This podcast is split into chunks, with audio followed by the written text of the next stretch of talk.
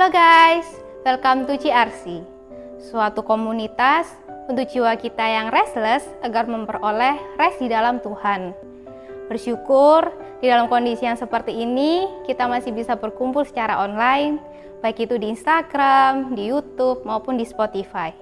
Jangan lupa untuk di follow dan di subscribe ya teman-teman.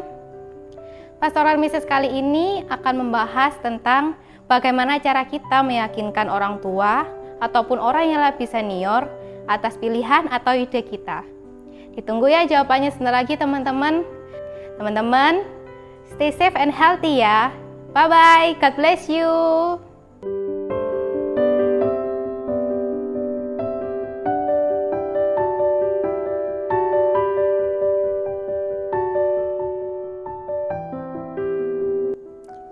Shalom kaum muda, senang sekali bisa berjumpa dengan teman-teman sekalian. Ko David berharap kita semua dalam keadaan yang baik, keadaan yang sehat. Tetap jaga jarak aman, kenakan masker dan juga selalu menjaga kebersihan. Hari ini kita hadapi situasi yang tidak mudah. Ada banyak teman-teman yang semakin sulit dalam keuangan, keluarga-keluarga juga kesulitan, dan beberapa teman memberitahu saya bahwa mereka juga terkena PHK. Tentu ini situasi yang sangat tidak mudah dan Ko David bersedih untuk semua situasi itu. Marilah kita semua saling menguatkan, menopang satu sama lain, melewati masa-masa corona ini. Kita berharap bahwa semua boleh segera berakhir dan kembali pulih seperti awal. Mari kita berdoa sebelum mendengar firman Tuhan. Kita mohon pertolongan roh kudus atas kita sekalian. Kita berdoa. Tuhan hambamu datang kepadamu di dalam segala kelemahan. Mengajak semua teman-teman yang ada di sini dan juga yang di rumah. Kami memohon pertolongan Tuhan atas kami. Biarlah Engkau sendiri yang berbicara kepada kami secara pribadi, sehingga firman disampaikan ini boleh sungguh menguatkan kami, menolong kami menjalani masa muda kami.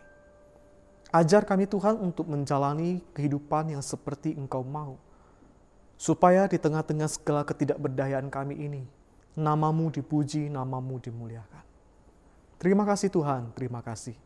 Dalam nama Yesus kami berdoa. Amin. Hari ini Kau David mengajak kita bersama-sama memikirkan sebuah topik yaitu bagaimana sih kita meyakinkan orang tua kita atas pilihan kita atas ide yang kita sampaikan kepada mereka. Tentu teman-teman ini bukan hal yang mudah karena setiap hari kita hadapi situasi itu.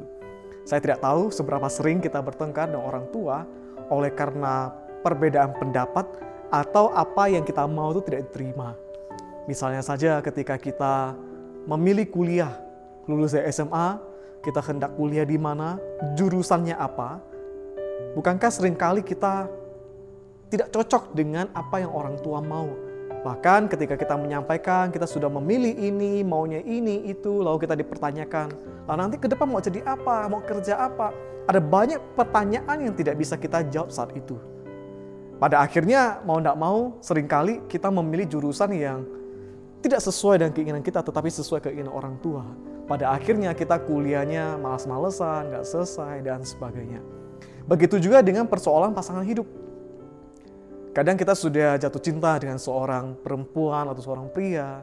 Ketika kita mau kenalkan ke orang tua, ada banyak ketakutan, takut orang tua kita tidak terima. Atau mungkin kita sudah menceritakan kepada mereka, lalu mereka tidak bisa menerima semua apa yang kita bawakan itu. Kita berkata, oh perempuan, pacar saya ini orangnya baik.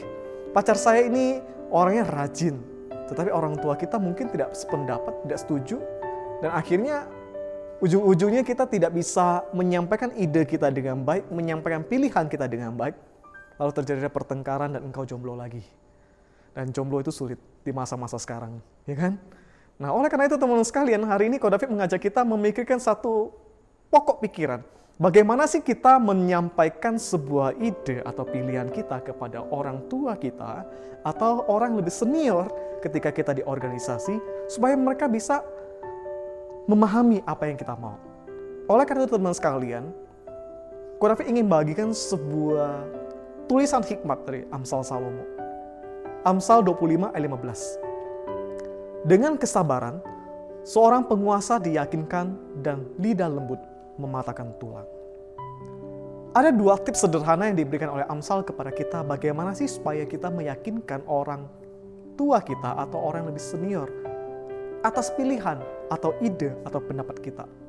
Yang pertama teman sekalian, yaitu kesabaran. Ternyata kita perlu bersabar. Amsal 25 ayat 15. Dengan kesabaran seorang penguasa diyakinkan. Teman sekalian, kesabaran menahan suasana panas Kesabaran itu menolong kondisi atau perbincangan yang panas itu menjadi lebih adem. Kesabaran menahan situasi yang tidak oke okay menjadi lebih oke. Okay. Kesabaran membuat seseorang yang berkata-kata maupun orang yang mendengar mempunyai kesempatan untuk memikirkan lebih jauh apa yang kita sampaikan. Teman sekalian, ketika kita menyampaikan sebuah ide, kesalahan terbesar kita adalah kita berharap orang lain memahami kita. Kita berharap bahwa seluruh pertimbangan di pikiran kita diterima orang itu. Dan nyatanya teman sekalian, tidak bisa. Kita lahir di generasi yang berbeda. Cara berpikir kita berbeda. Ketika kita menyampaikan sesuatu dengan waktu singkat, kita berharap orang lain menerima seluruh ide itu. Dan itu tentu salah. Dan orang lain belum tentu bisa memahami kita. Dan belum tentu orang lain bisa memahami seluruh pokok pikiran kita, latar belakang pemikiran kita. Oleh sebab itu teman-teman sekalian, kita perlu bersabar, memberikan waktu bagi orang lain untuk mempertimbangkan apa yang kita sampaikan. Ketika kita berbicara soal pekerjaan, selesai dari kuliah, kita mau kerja apa? Saya ingat betul ada seorang anak pemuda itu ketika dia berbicara kepada orang tuanya. Ma, saya mau jadi youtuber aja. Mama nggak ngerti youtuber itu kerja apa. Tiap hari anak ini pergi bawa kamera, bawa HP. Orang tuanya mikir, oh se, anakku ini mulai gila. Ngomong-ngomong sendiri di HP. Ketawa-ketawa sendiri. Buka kotak direkam ini itu. Padahal teman-teman anak ini punya cita-cita jadi youtuber. Dan kita tahu youtuber sekarang luar biasa kaya Pangcia lebih kaya dari saya. Ya kan? Ada lagi teman sekalian, ada seorang anak ketika dia lulus kuliah yang ngomong ke saya, kok saya mau buka toko online, jualan barang-barang online. Jadi tidak perlu ini, tidak perlu itu, tidak perlu toko fisik, tidak perlu terikat oleh waktu buka kapan dan sebagainya, setiap waktu bisa jualan. Dan barangnya itu bisa banyak sekali tanpa memenuhi rumah atau kamarnya dia. Nah orang tuanya tidak mengerti Orang itu datang kepada saya, lalu bisa ditolong nggak? Tolong jelaskan kepada anak saya. Saya ini buka toko, sudah kerja di toko saya. Lalu saya jelaskan kepada dia, AI anak anda ini kerja, tapi jualan online. Bentrok nggak teman sekalian? Maka kita perlu bersabar untuk menjelaskan kepada dia. Termasuk soal apa? Pacar. Ketika kamu merasa bahwa pacar atau pria atau perempuan yang kamu pacari itu adalah orang terbaik, maka kamu perlu bersabar pelan-pelan kenalkan kepada orang tuamu. Engkau berkata dia baik, dia rajin. Tetapi orang tuamu tidak tahu, betulkah dia rajin? Betulkah dia baik? Semua perlu diuji. Itu dalam pikiran orang tua. Perlu dianalisa lebih jauh, perlu diuji oleh waktu. Maka teman sekalian sebenarnya orang tua kita tuh tidak menolak apa yang kita sampaikan. Seringkali cara kita yang salah. Sehingga apa yang kita sampaikan itu membuat dia tersinggung, membuat dia sangat sulit. Sehingga orang orang lain tidak lagi terfokus kepada isi penyampaian kita, tetapi malah terfokus kepada sikap kita sehingga seluruh ide kita ditolak. Oke. Okay? Jadi kita perlu menyampaikan ide kita dengan sikap yang sabar. Amsal 25 28 mengatakan, orang yang tidak bisa mengenalkan diri, dia seperti kota yang roboh temboknya Teman-teman pada zaman dulu, kota itu kuat tergantung dari tembok kotanya. Kalau dia tidak punya tembok kota, tembok pelindung itu, maka kotanya mudah dihancurkan, mudah disusupi penjahat. Amsal ingin mengatakan kepada kita, jikalau kita kehilangan kesabaran, maka kita kehilangan tembok kota itu. Kita akan menjadi mudah marah, mudah kecewa.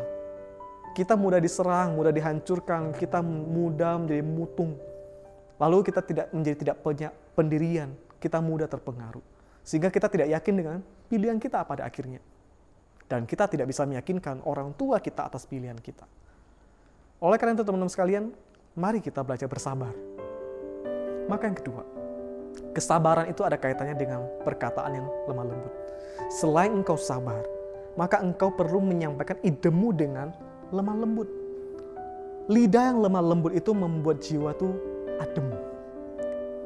Membuat jiwa tuh menjadi lebih tenang. Ya, Amsal 25:15 mengatakan, dan lidah lembut mematahkan tulang. Bisa nggak sih lidah lembut itu mematahkan tulang? Tentu rasanya gambarannya tidak masuk akal.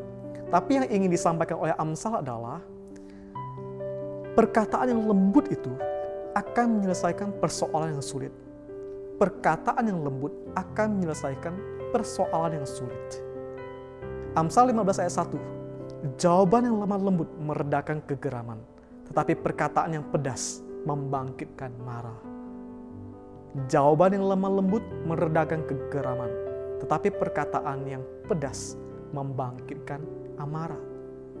Maka ketika kita menyampaikan sebuah ide, perlu disampaikan dengan baik. Kau perlu tulis kata-katamu apa, kalimatmu apa, dengan baik. Supaya orang mendapatkan pesan yang jelas. Jangan marah-marah. 2 Timotius pasal 2 25. Dan dengan lemah lembut dapat menuntun orang suka melawan. Sebab mungkin Tuhan memberikan kesempatan kepada mereka untuk bertobat dan memimpin mereka sehingga mereka mengenal kebenaran. Bahkan Paulus mengingatkan Timotius, ketika kita mau membawa seseorang yang salah kembali kepada Tuhan, maka harus disampaikan dengan lemah lembut, bukan dengan perkataan kasar, apalagi maki-maki. Tuhan kita adalah Tuhan yang sabar dan lemah lembut. Zakaria 9:9 Bersorak-soraklah dengan nyaring hai putri Zion, bersorak-soraklah hai putri Yerusalem. Lihat, rajamu datang kepadamu, ia adil dan jaya. Ia lemah lembut dan mengendarai seekor keledai. Seekor keledai beban yang mudah. Tuhan kita, Tuhan yang sabar, Tuhan yang lemah lembut. Ia tidak pernah berkata kasar, dan ia tidak pernah marah kepada orang-orang berlaku tidak adil kepadanya. Maka teman-teman sekalian ketika kita menyampaikan sebuah ide, keinginan kita kepada orang lebih tua, maka kita perlu belajar. Sampaikan dengan penuh kesabaran Berikan mereka waktu untuk berpikir. Berikan mereka waktu untuk menganalisa apa yang kita inginkan. Lalu sampaikan dengan kata yang lemah lembut. Itu sebabnya Efesus 4 ayat 2 berkata kepada kita, Hendaklah kamu sabar, lemah lembut, dan rendah hati. Kiranya Tuhan memberkati kita, dan kita terhibur oleh firman ini, dan kita berani menyampaikan ide kita kepada orang tua kita. God bless.